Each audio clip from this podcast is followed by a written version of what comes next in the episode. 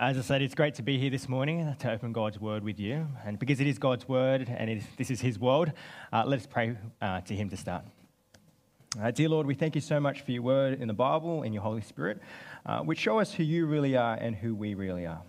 And Lord, we pray as you reveal these truths to us this morning uh, that you would help us to accept them and that you would change us as you want to. And we pray all these things in Jesus' name. Amen. Uh, this past Tuesday, Dan and I had the privilege of, of playing basketball together for third year at college. Uh, I feel particularly for third year, we're not a very sporty cohort, we're not a very big cohort. And so when we verse the other the years at college, this is part of our formative college experience, um, humbling us uh, in our character before God and other people.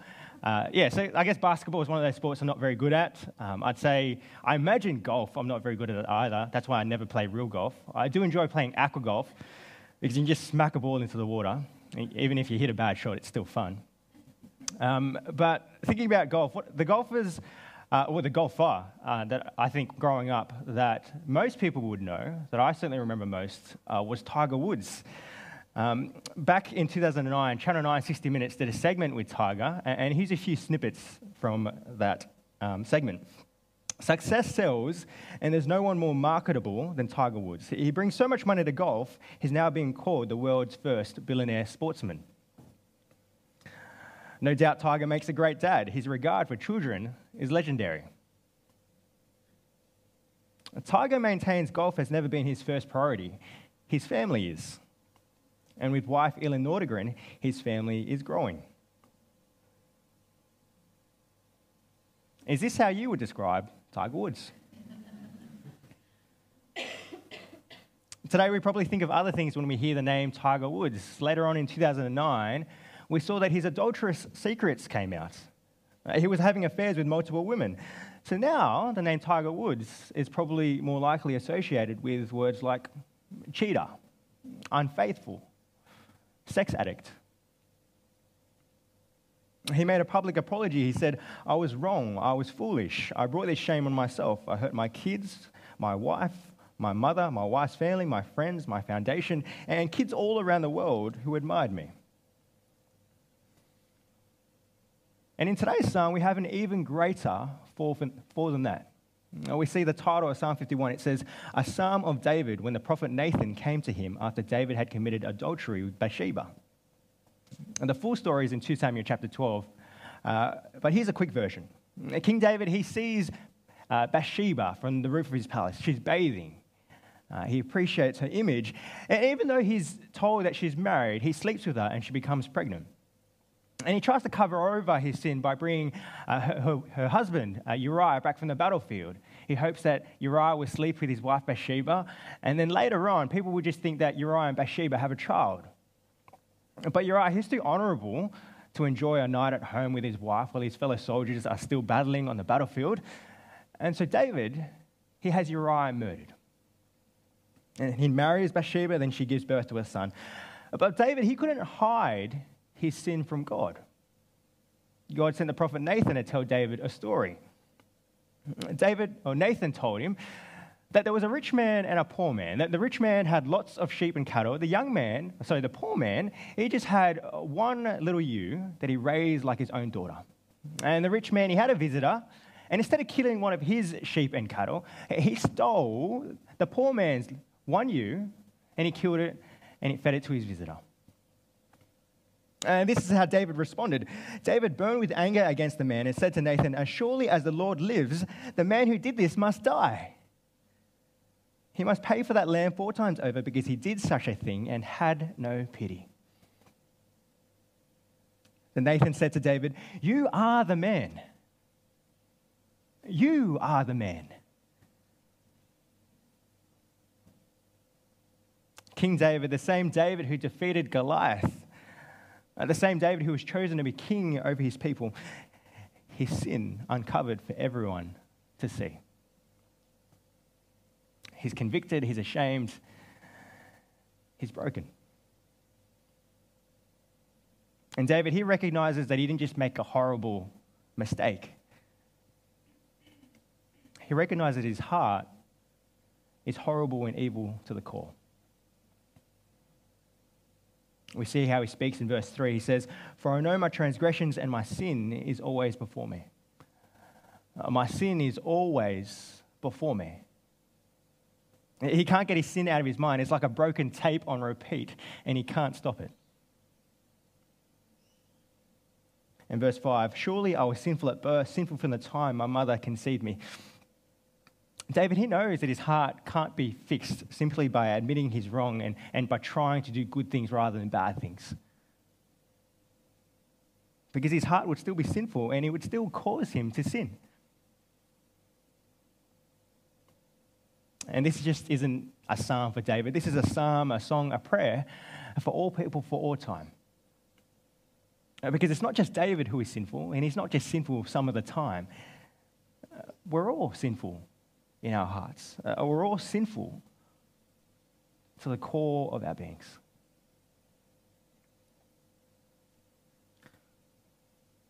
So, how can we possibly stand before God? Our sinful hearts overflow with the evil actions of our lives. Uh, so, how can we stand before God who is so holy, so pure, so good?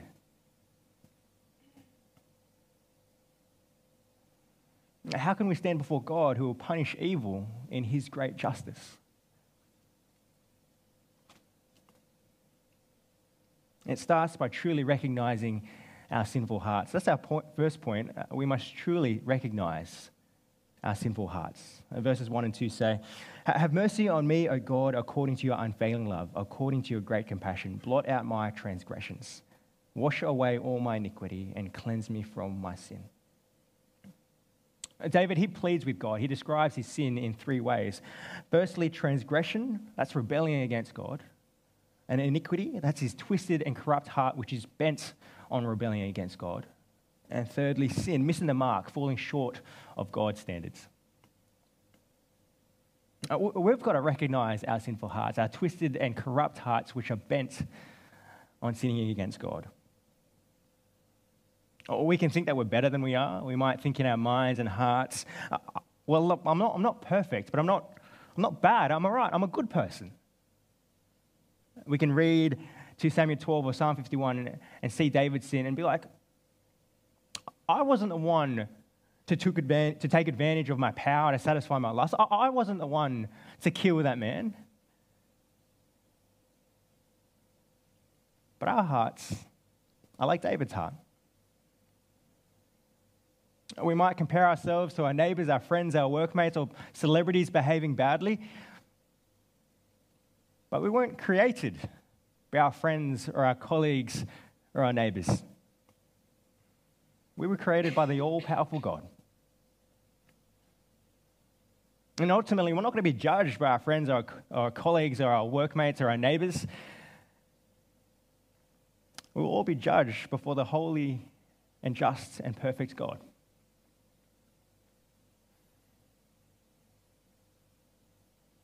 So, compared to God,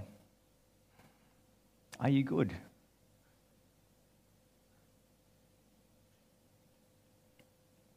Or we can't even compare ourselves to God. He is totally pure. We must ask God to cleanse our hearts. And so we see in verse 4, David says, Against you, you only have I sinned and done what is evil in your sight. So you are right in your verdict and justified when you judge. David, he knows that he's hurt Bathsheba, Uriah, and his own family. And that's, that's horribly bad. But what makes sin sin is that it's against God. And David doesn't just feel remorse for hurting other people. He admits the horror of his attack on God when he says, Against you, you only have I sinned. And he knows this isn't just a mistake. He knows his sinful heart. He says in verse 5 again, Surely I was sinful at birth, sinful from the time my mother conceived me. He knows he's sinful by nature. If God doesn't rescue him, he will continue to do more and more evil. In his public apology, Tiger Woods said, My failures have made me look at myself in a way I never wanted to before. It is now up to me to make amends. And that starts by never repeating the mistakes I have made. It is up to me to start living a life of integrity. Tiger, he speaks as if he has the power to fix his life. But how can he change his sinful heart, which caused him to sin against God? And the twisted heart that will continue to cause him to sin.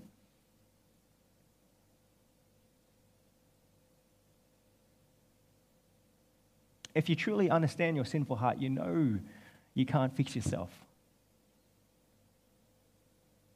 Uh, you know you can't simply admit your mistakes and try your hardest to be a better person or to live a better life. Uh, we're sinful to the core, and this means we deserve death. What hope is there for us? We must trust God's great compassion. That's our second point. We must trust God's great compassion. And David, he's committed adultery, he's murdered Uriah. So, so how does he come before God? Let's see verse 1 again. Uh, have mercy on me, O God, according to your unfailing love. According to your great compassion, blot out my transgressions. And verse 14 Deliver me from the guilt of bloodshed, O God, you who are God, my Savior. David, he recognizes his sinful heart, but he doesn't run away from God. He runs to God because he trusts in God's great compassion. David, he can bring his transgressions, his iniquity, his sin before God uh, because he knows and trusts that God is merciful. Uh, God's love is unfailing. He acts according to his great compassion. He, he is the God who saves.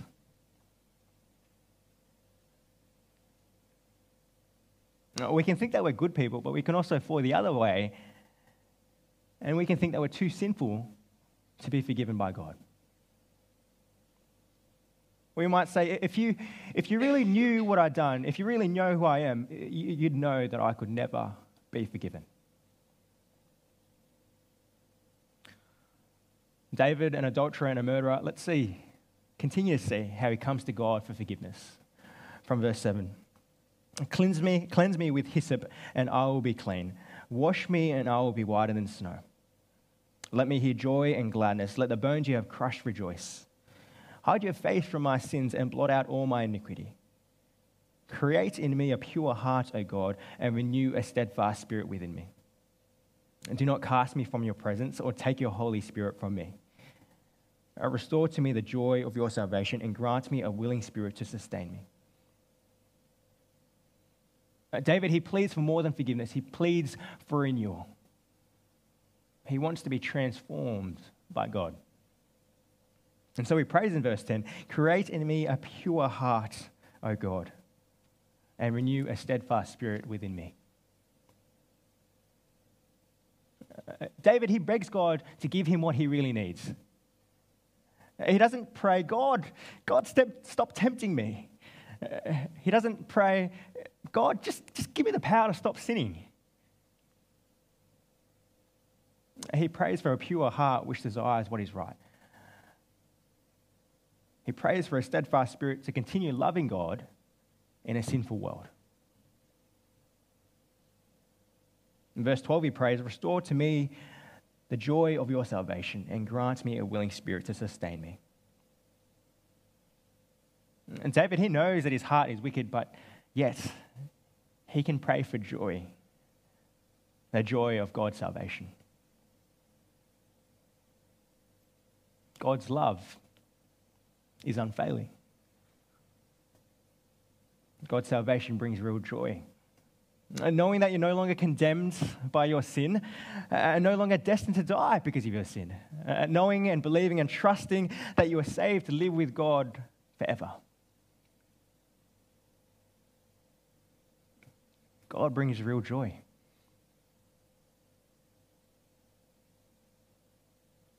But justice means that sin and evil must be punished. Uh, God, He didn't just sweep David's sin underneath the rug. Uh, David's sin was unpunished until Jesus.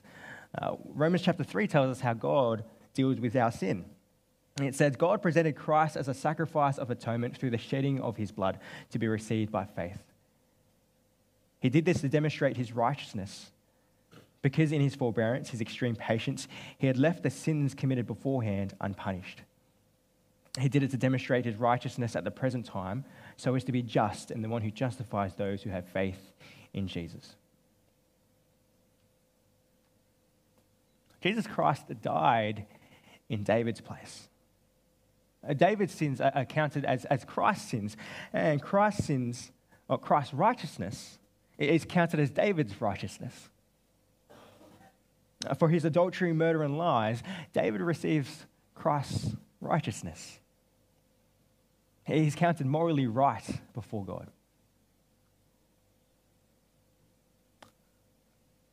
Isn't that incredible?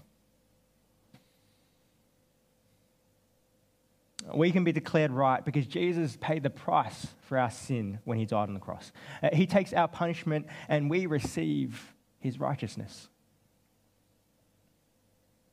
Now, this righteousness is given through faith in Jesus Christ to all who believe.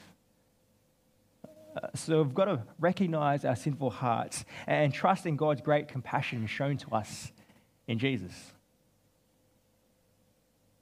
And knowing the joy of God's salvation means our joy should overflow in our words and our lives. We see this from David in verses 13 and 15. Then I will teach transgressors transgresses your ways, so that sinners will turn back to you. Deliver me from the guilt of bloodshed, O God, you who are God, my Savior, and my tongue will sing of your righteousness. Open my lips, Lord, and my mouth will declare your praise.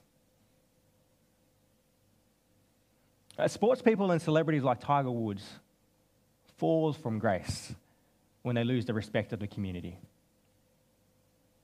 Uh, but when in, the truth is, when it, when it comes to God, you can never fall from His grace.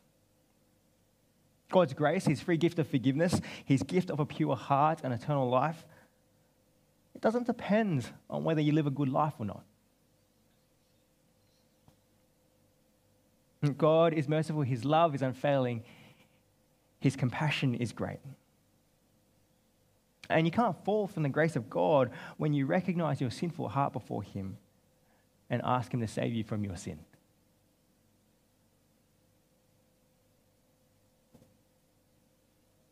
Well, what is that sin that comes to your mind when you hear me say the word sin? That sin that you can feel in your heart, your body, your mind. That sin that you can picture as if it's right in front of you. We're invited to give it to God. How can you pray Psalm 51 for yourself? Have mercy on me, O God, according to your unfailing love, according to your great compassion. Blot out my transgressions. Blot out my gossip, my sexual sin, my anger. Wash away all my iniquity. Wash away all my lust, my pride, my greed, my selfishness, and cleanse me from my sin.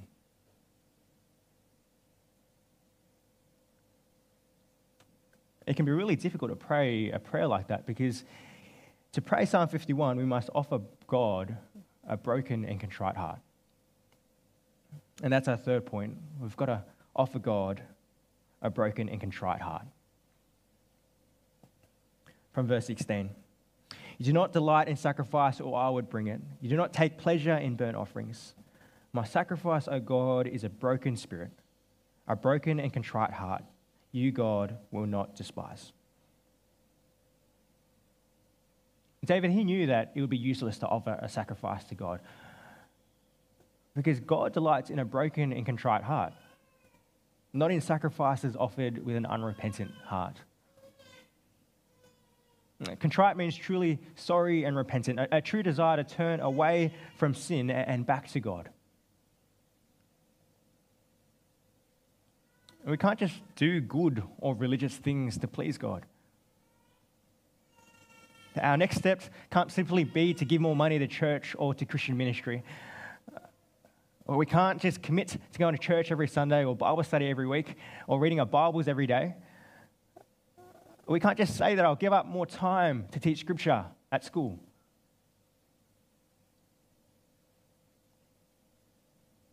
We've got to humble ourselves before God.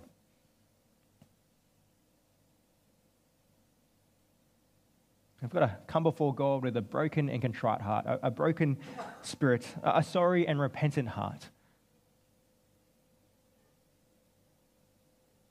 For God, He will not despise the one who knows their sinful heart and begs Him for forgiveness and asks Him to create in them a pure heart. Sin, it can be painful, it can be difficult, it can be upsetting. But we see in confession that our sin doesn't have to be wasted. We can confess to God. And also in this song, we see this psalm. It was a psalm, a song for the whole nation of Israel. It's David's public confession before all his people and all believers like us today.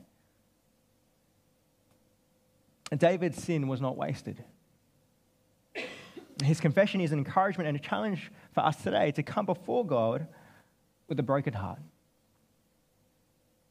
And as we confess our sins to God and our brothers and sisters, uh, that's an encouragement and challenge for us to recognize the wrong of our sin. To show that we as God's people do stumble. And to show and encourage each other that we can always come before God on our knees. And the one who saves, the one who's merciful, the one whose love never fails. And being a Christian means being broken and contrite every day. And we're broken and contrite until our pride gets in the way. And so I know that I've got to ask God to humble me so that I will turn away from my sin and pray, Create in me a pure heart, O God, and renew a steadfast spirit within me. And a broken and contrite heart, that's not incompatible with the joy of salvation. Because only with a broken and contrite heart can we truly share in the joy of God's salvation. Jonathan Edwards put it like this All gracious affections that are a sweet aroma to Christ are broken hearted affections. A truly Christian love, either to God or man, is a humble, broken hearted love. The desires of the saints, however earnest, are humble desires. Their hope is a humble hope, and their joy, even when it is unspeakable and full of glory, is a humble, broken hearted joy. We've got to bring our broken and contrite heart to God and ask Him to create a pure heart in us. And God will restore us to His salvation, the joy and gift of eternal life. King David, he was in his high position, but he was brought low by his sinful heart. But greater than that, God, in his love and compassion, cleansed his heart and restored him to salvation. We're deeply sinful in our hearts. And we will stand before God, who's the holy and just judge. And we have hope because God is merciful. His love is unfailing. His compassion is great. He is the God who saves. And so we can pray with humble thankfulness Create in me a pure heart, O God, and renew a steadfast spirit within me. Please pray with me. And Lord, we pray that Psalm 51 would be our prayer. We pray that it wouldn't just be words on a page, but words that we truly believe in and follow. Have mercy on us, O God, according to your unfailing love. According to your great compassion, blot out our transgressions. Wash away all our iniquity and cleanse us from our sin. We pray that you would humble us so that we wouldn't, wouldn't believe ever that we are good enough without you. So that we would offer you our broken, contrite hearts Please create within us pure hearts and renew a steadfast spirit within us. Amen.